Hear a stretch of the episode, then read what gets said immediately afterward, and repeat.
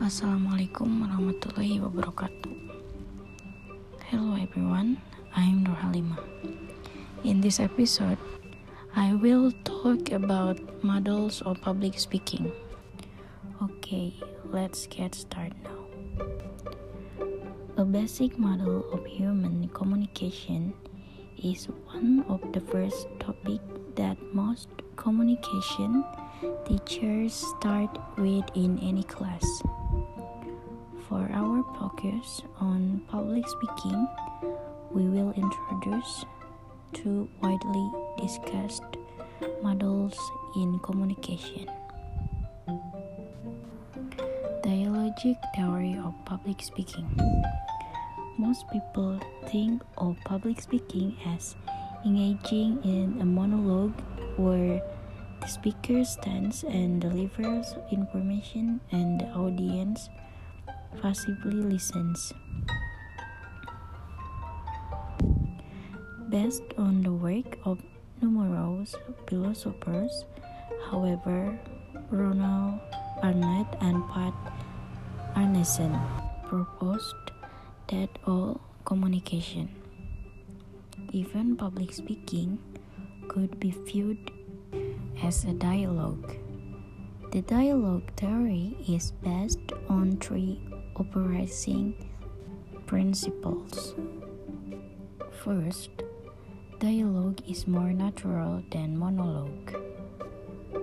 Second, meanings are in people, not words. Third, context and social situation impact perceived meanings. Part of the dialogic process in public speaking is realizing that you and your audience may differ in how you see your speech. Helmut Geissner and Edith Slembek, 1986, discussed Geissner's idea of responsibility, or the notion that the meanings of words must be mutually agreed upon by people interacting with each other. Physical dimension The physical dimension of communication involves the real of or touchable environment where communication occurs. For example, you may find yourself speaking in a classroom, a corporate boardroom, or a large amphitheater. Each of these real environment will influence your ability to interact with your audience. Larger physical space may require you to use a microphone and speaker system to make yourself heard or to use projected presentation aids to convey visual material. Temporal dimension.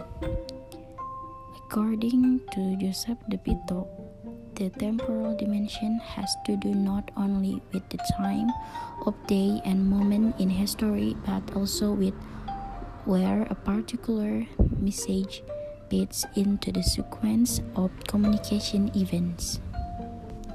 Social psychological dimension. The social psychological dimension of context refers to status, relationship among participants, roles, and games that people play, norms of the society or group, and the brand lines, formality or gravity of the situation. You have to know the types of people in your audience and how they react to a wide range of message. Cultural dimension. The final context dimension Joseph DeVito mentions is the cultural dimension. When we interact with others from different cultures, misunderstanding can result from differing cultural beliefs, norms, and practice. As public speakers engaging in a dialogue with our audience members, we must attempt to understand the cultural makeup of our audience so that we can avoid this misunderstanding as much as possible. Each of these elements of context is a challenge for you as a speaker. Throughout the rest of the book, well, discuss how you can meet the challenge presented by the audience and context and become a more effective public speaker in process. Okay, I think that's enough. Thanks for your attention. Wassalamualaikum warahmatullahi wabarakatuh.